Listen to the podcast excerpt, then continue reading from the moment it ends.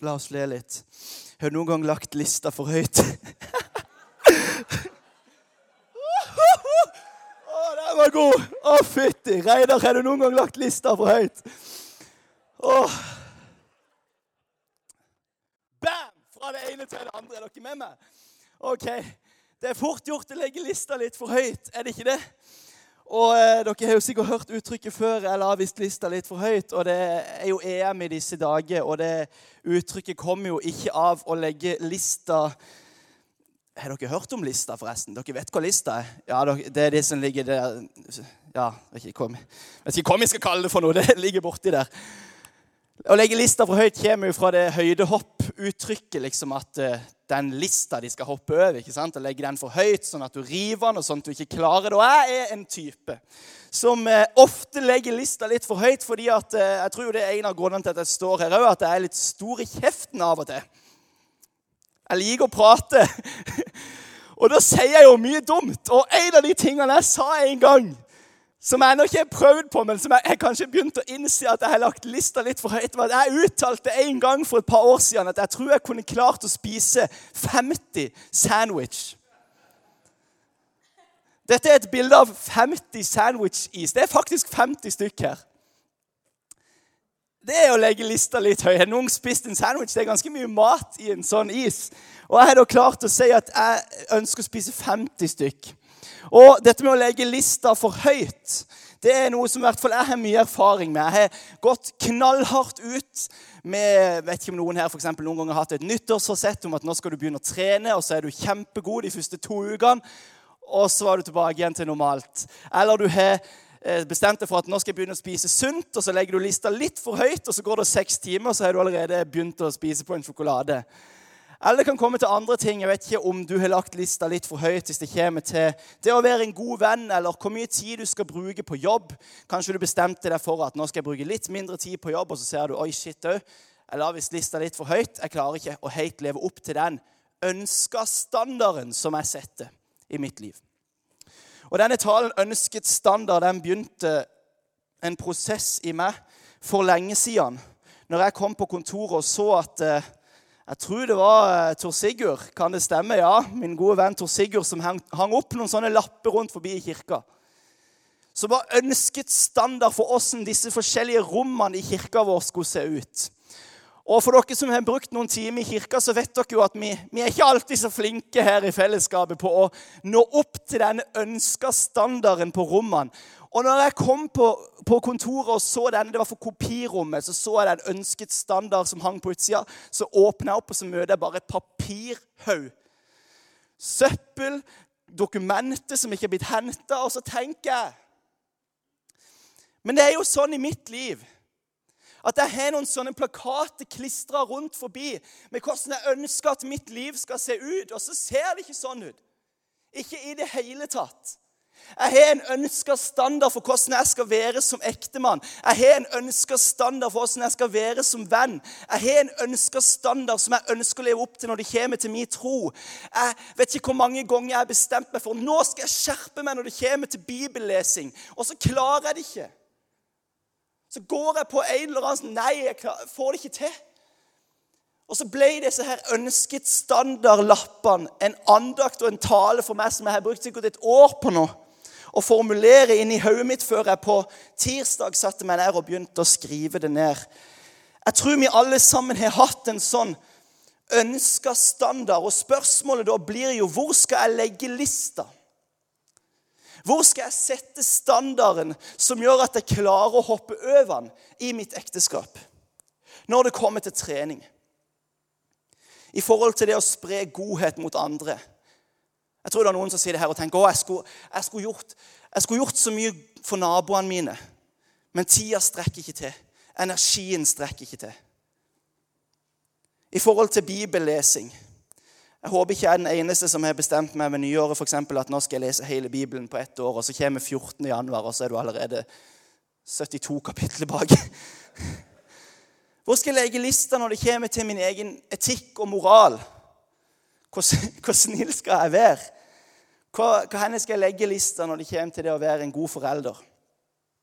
Og så er jo det som skjer da når vi Enten så legger vi lista for høyt, og så klarer vi det ikke, så begynner vi å føle dårlig for oss sjøl, og så begynner vi å senke standarden. For dårlig selvtillit. 'Nei, jeg får det ikke til. Jeg klarer det ikke.' Og så begynner vi å senke standarden, og så klarer du kanskje ikke da heller, og så blir du enda, så kommer du inn i en sånn ond sirkel at jeg, jeg lever jo aldri opp til det som jeg ønsker for mitt liv. Og så kommer du kanskje inn i ei kirke, og så opplever du at ja, jeg har en standard. Men så begynner han der duden med høyhalsa genser å snakke om at Gud òg har en standard for våre liv. Gud er hellig, uten feil og mangler. Han tåler ikke synd. Han tåler ikke den synden jeg har i mitt liv. Det å legge lista for høyt er i hvert fall noe jeg har gjort mye. Og, og noen ganger så kan jeg gå inn sånne kompromiss med meg sjøl. Jeg ser at jeg, okay, jeg klarer ikke å leve opp til Guds standard, men jeg kanskje jeg kan prøve å leve opp til min standard. Og når min standard f.eks. kan være at hvis noen slår meg, så skal jeg gjøre mitt beste for å ikke slå tilbake. så kommer Gud og sier når noen slår deg, skal du vende det andre kinnet til. Woo. Og når jeg kan bestemme for at jeg skal Jeg skal ikke være utro mot min ektefelle, så kommer Jesus og sier at dersom du ser på ei dame med begjær, så har du allerede begått ekteskapsbrudd. Uh. Der jeg sier jeg skal prøve å være en god og kjærlig far for mine barn og mot min ektefelle, så kommer Jesus og sier det er jo ikke noe å skryte av hvis du klarer å være snill mot de som er snille mot deg. Du skal elske dine fiender. Wow. Som om ikke det var vanskelig nok å leve opp til min standard. Så kommer Gud og på en måte bare legger lista enda høyere, og så kommer jeg bare og tenker Hva i all verden skal jeg gjøre med dette her? Jeg er jo ikke i nærheten av å leve opp til ønska standard. Jeg er dårligere enn medlemmene i Misjonskirken Lyngdal til å holde det ryddig i mitt eget liv. Jeg får det ikke til. Jeg klarer ikke å leve opp til min egen standard, jeg klarer ikke å leve opp til Guds standard. jeg klarer så hva er løsninga, da? Så mye vanskeligere å leve opp til Guds standard enn vår egen. og hva, hva, skal vi gjøre med det? Jeg skal komme litt mer inn på det etter hvert. og Bibelen snakker selvfølgelig mye om dette. og En av de tekstene som setter lys på dette på en fantastisk måte, syns jeg, og som er blitt en utrolig sterk tekst for meg de siste årene, vil jeg si, det er en tekst som vi finner i Lukas 18. Og Det er en historie Jesus forteller om en toller og en fariseer. Og Jeg skal lese fra Lukas 18, vers 9-14. Til noen som stolte på at de selv var rettferdige, og så ned på alle andre, fortalte Jesus denne lignelsen. To menn gikk opp til tempelet for å be. Den ene var fariseer, og den andre toller. Fariseeren stilte seg opp for seg selv og ba slik. Gud, jeg takker deg for at jeg ikke er som andre mennesker. De som svindler, gjør urett og bryter ekteskapet. Og så ser jeg for meg at han peker, eller som han tolleren der. Jeg takker deg, Gud, for at jeg ikke er som han. Se for dere scenen her, da.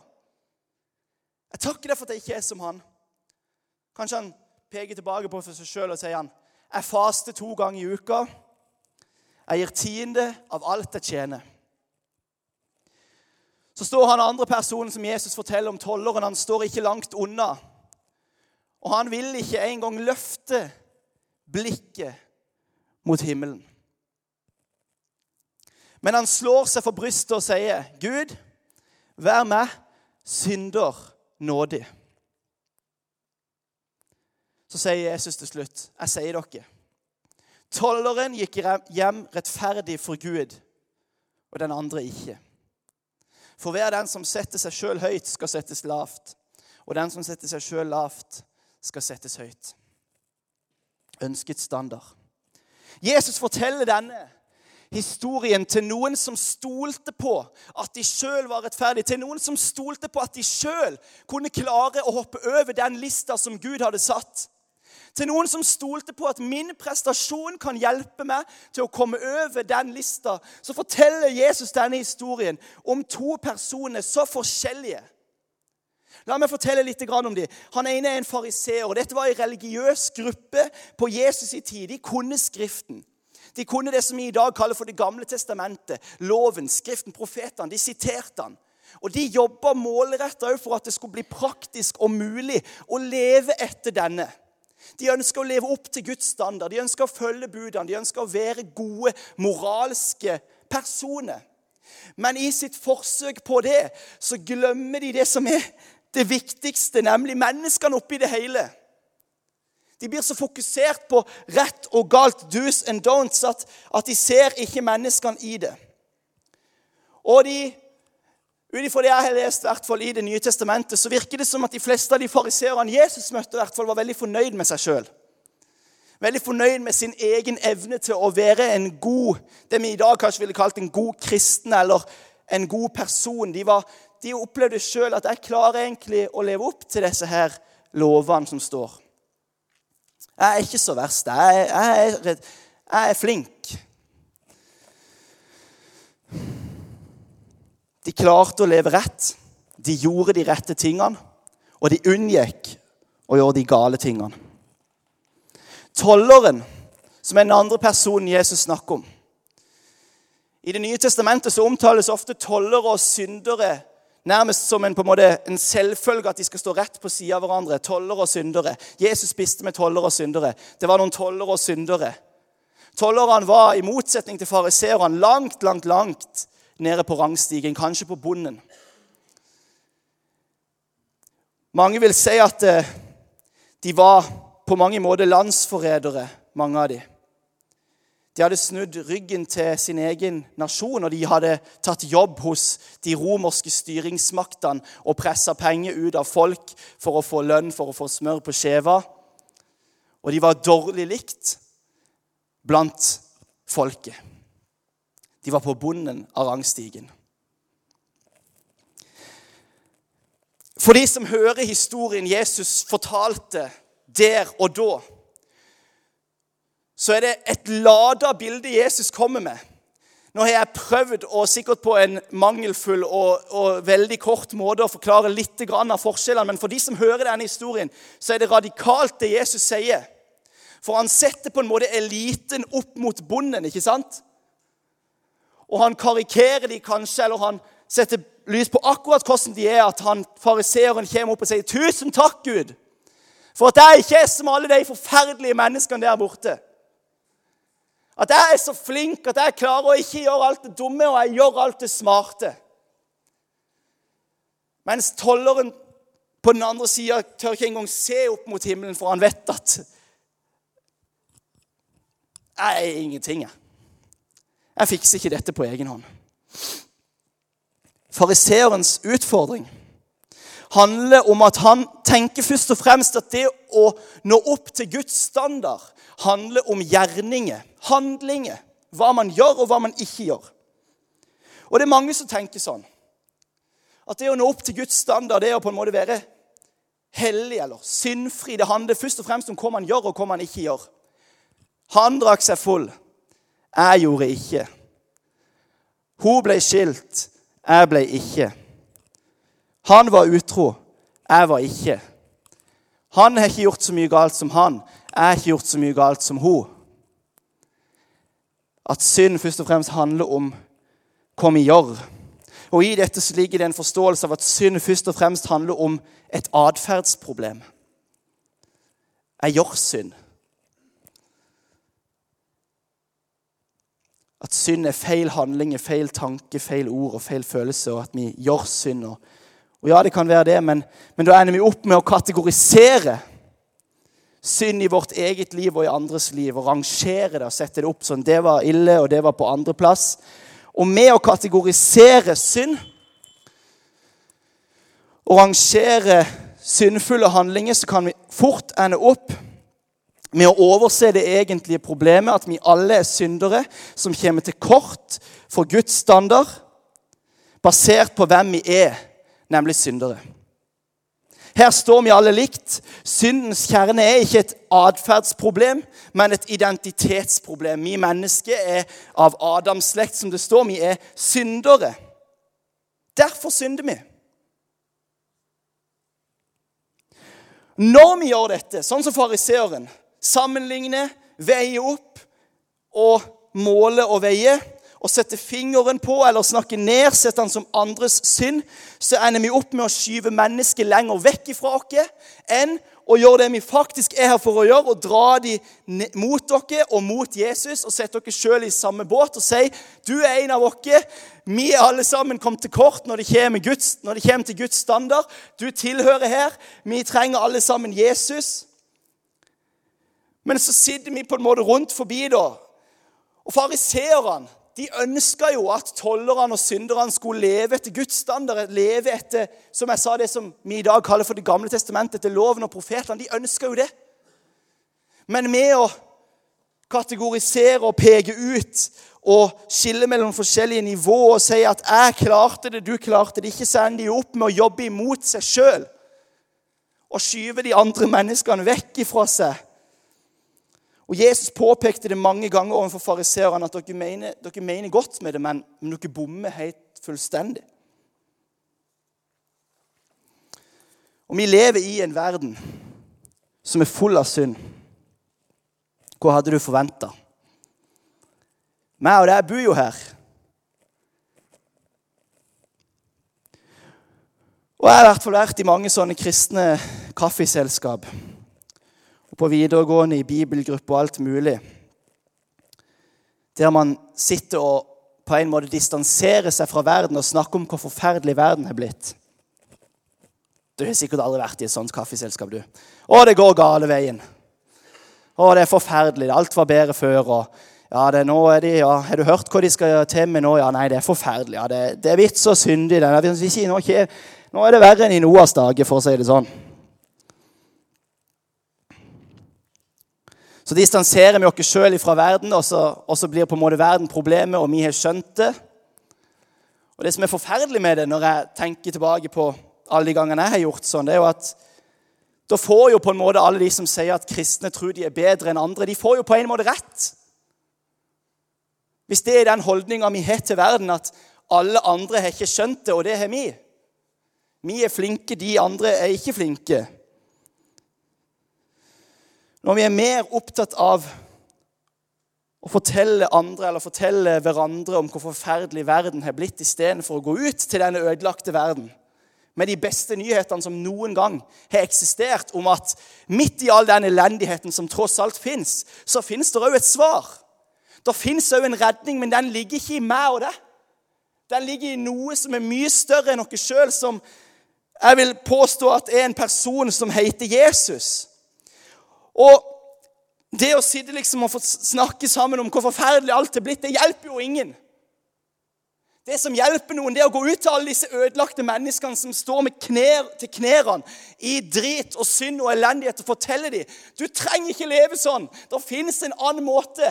Det fins en som tok all den elendigheten på seg, med på et kors. Han elsker deg uansett hvor langt vekk fra han du måtte være så er han der, og han ønsker at du og han skal leve i en relasjon. Han har tatt all din synd på seg og betalt prisen en gang for alle. Jeg har et spørsmål til dere i formiddag. Bruker du mer tid på å påpeke verden og andres synd enn på å gå ut og fortelle dem om Guds nåde?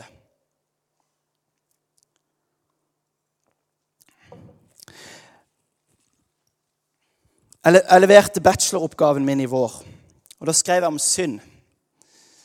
Eh, og En av de som jeg studerte da, det var en tysk eh, teolog og prest som heter Didrik Bonhoeffer. Og Jeg ble utrolig glad i han når jeg las det som han har skrevet. og Han, han ble henretta under andre verdenskrig. Sannsynligvis på eh, beordring fra Hitler sjøl, bare noen dager før andre verdenskrig slutta.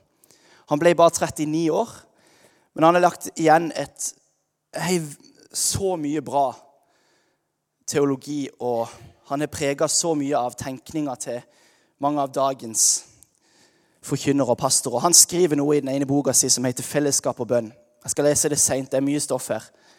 Hvis min synd på en eller annen måte forekommer meg å være ubetydeligere og mindre forkastelig enn andres synd, da erkjenner overhodet ikke min synd. Min synd er nødvendigvis den aller største. Den mest betydelige og mest forkastelige. Videre skriver han.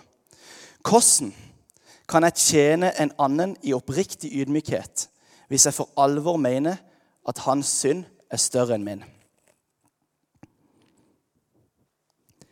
I dette avsnittet så skriver han om at alle kristne på et eller annet tidspunkt bør ha kjent seg som den største synderen på planeten.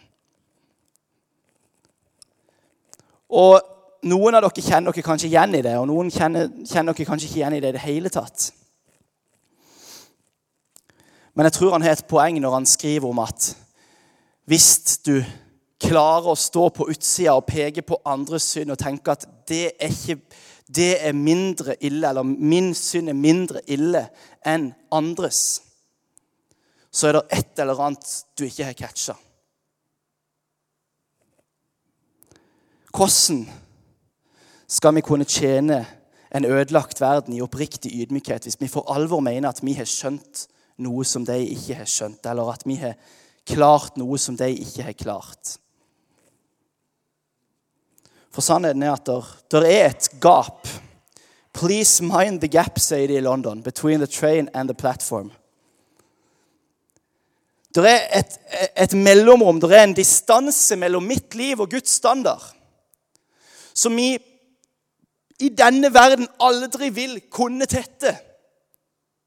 Vi skal bli mer lik Jesus, vi skal leve i en relasjon til Jesus hver dag og la Hans ånd få lov til å prege oss og jobber med oss så vi blir mer og mer lik Jesus. Men til sjuende og sist, når dagen er omme, så vil det være et gap mellom mitt liv og Guds standard. Og det er som jeg har snakka om en del allerede, det handler om synd. At vi mennesker vi kommer til kort. Vi når ikke opp til ønska standard. Og så er det jo spørsmålet hva gjør vi med det? Fariseeren i teksten. Han hadde skjønt han var frelst av nåde, men etter det så hadde han gjort ganske mye smart. Jeg ble frelst av nåde, men etter det så har jeg tatt mange gode valg. Etter det så har jeg prioritert rett. Etter det så har jeg vært flink. Han la på en måte litt av sin egen prestasjon til grunn.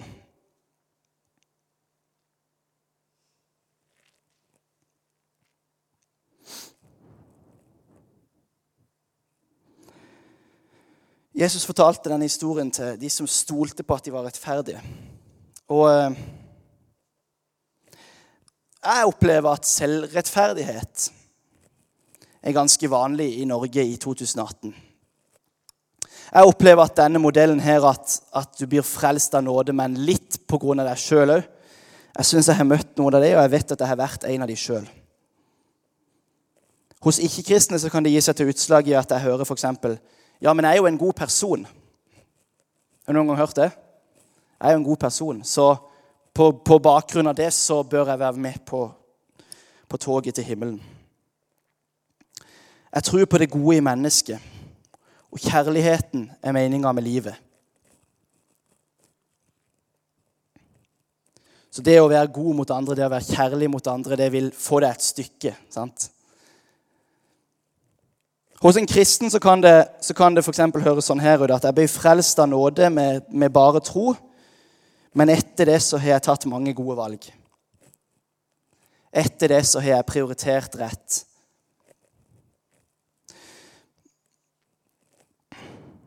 Jeg, har møtt begge, disse ståstedene, og jeg vet at jeg har vært den siste.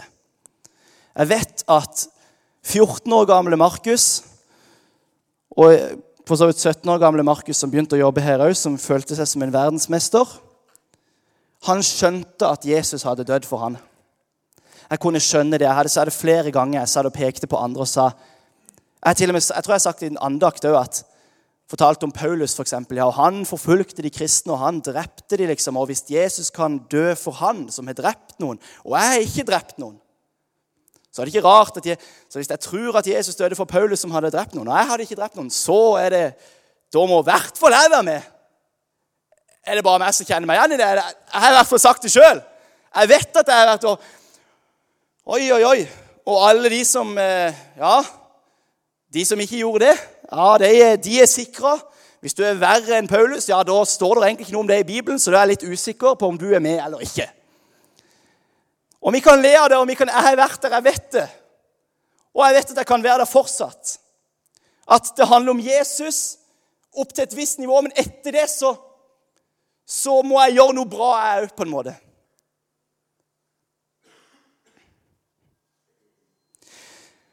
Jeg tror at det gapet mellom mitt liv og Guds standard bør og skal se sånn ut. Jeg tror ikke at du kan få det alene. Jeg tror ikke du kan beholde det alene. Jeg tror ikke du kan på en måte Det står at ja, vi blir frelst av bare tro ved nåde. Er det frelst ved tro? Og det tror vi på. Men etter vi har tatt imot det, så går det over til at ja, men nå må du skjerpe deg. Jeg har ikke så tro på det. Jeg vet ikke. Jeg, jeg har prøvd veldig mye. Men jeg tror at å komme til det punktet som tolleren hadde kommet, at han skjønte at her står jeg på bar bakke. Jeg har ingenting å stille opp med. Jeg kan prøve så hardt jeg vil. Jeg kan være målretta, jeg kan være strukturert, og jeg kan gjøre masse forskjellig. Men når dagen er omme, så trenger jeg Jesus. Når dagen er omme, så er jeg på helt bar bakke. Det er ved nåde, ved Jesus, med det han har gjort at vi kan bli frelst, og vi kan forbli frelst. At vi kan fortsette å leve det livet som Han har for oss. Og Betyr det at vi, ikke skal, at vi skal gå ut og liksom bare drite i alt? Nei, det gjør jo ikke det. Det betyr at når han er frelst dere, så ønsker vi å bli kjent med han og hva han har for oss. Men det står òg at det er i han vi lever og er til. det. Hans ånd bor i oss og peker på synd i våre liv og jobber med oss. og Vi blir forvandla til Guds bilde ved Guds ånd. Så vi må fortsette å så inn i den relasjonen til Jesus. Og vi trenger nåde. Jeg lar meg fascinere av Paulus og det han skriver. at Det ser ut som når du setter Paulus sine brev i kronologisk rekkefølge, at jo lenger Paulus går med Jesus, jo verre ser han på seg sjøl. Han begynner liksom ut med at 'jeg er en stor synder'. Og så er det 'jeg er en veldig stor synder', 'jeg er den største synderen på jorda'. Og så sier han 'jeg er den største som noen gang har levd'. Så jo mer han så av Guds nåde, jo verre innså han at det sto til med han sjøl.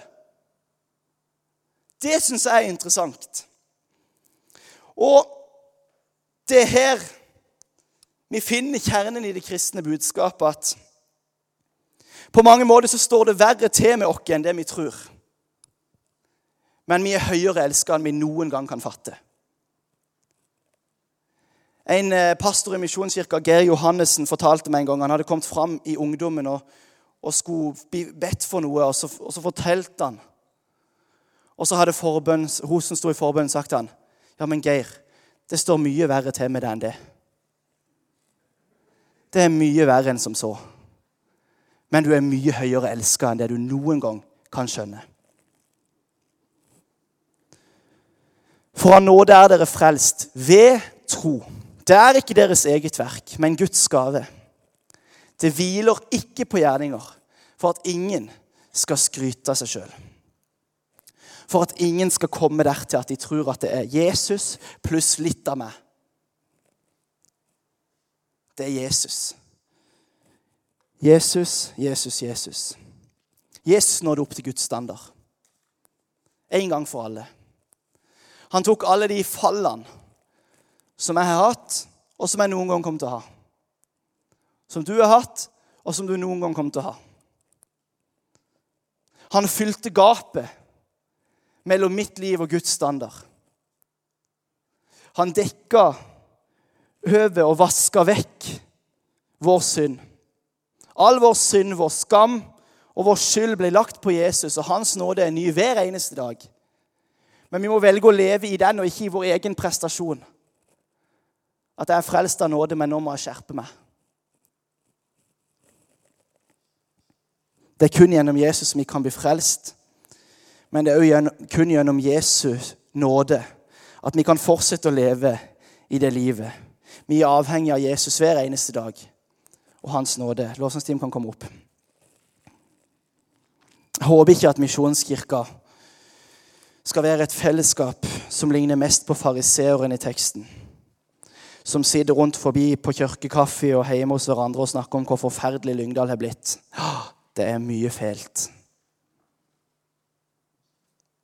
Kan vi ikke bare være enige om at jo, det er jo det? For vi er jo her alle sammen. I samme båt. Jeg er en del av det fele. Jeg vet i hvert fall det. Det er ikke sikkert dere er, men Og istedenfor å være så himla opptatt av det, at vi heller springer ut og sier vet du hva? Velkommen i klubben. Det er en som er dødd for deg. Det er en som elsker deg. Det er en som har noe han ønsker å si om den situasjonen du står i. Jeg vet at livet kan virke håpløst, jeg vet at det er vanskelig, men det er en som elsker deg, og som ga sitt liv for deg. Det er det som hjelper folk. Ikke kaffeselskap der vi sier og takker Jesus om hvor heldige vi er som er frelst ut av alt, og alle er forferdelige.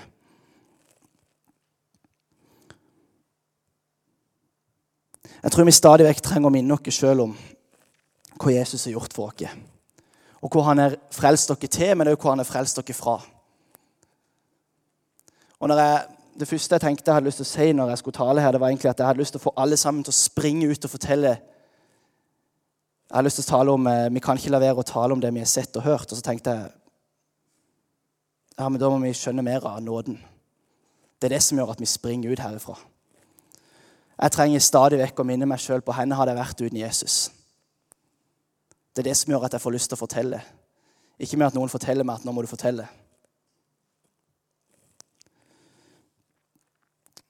Skal vi reise oss opp til slutt?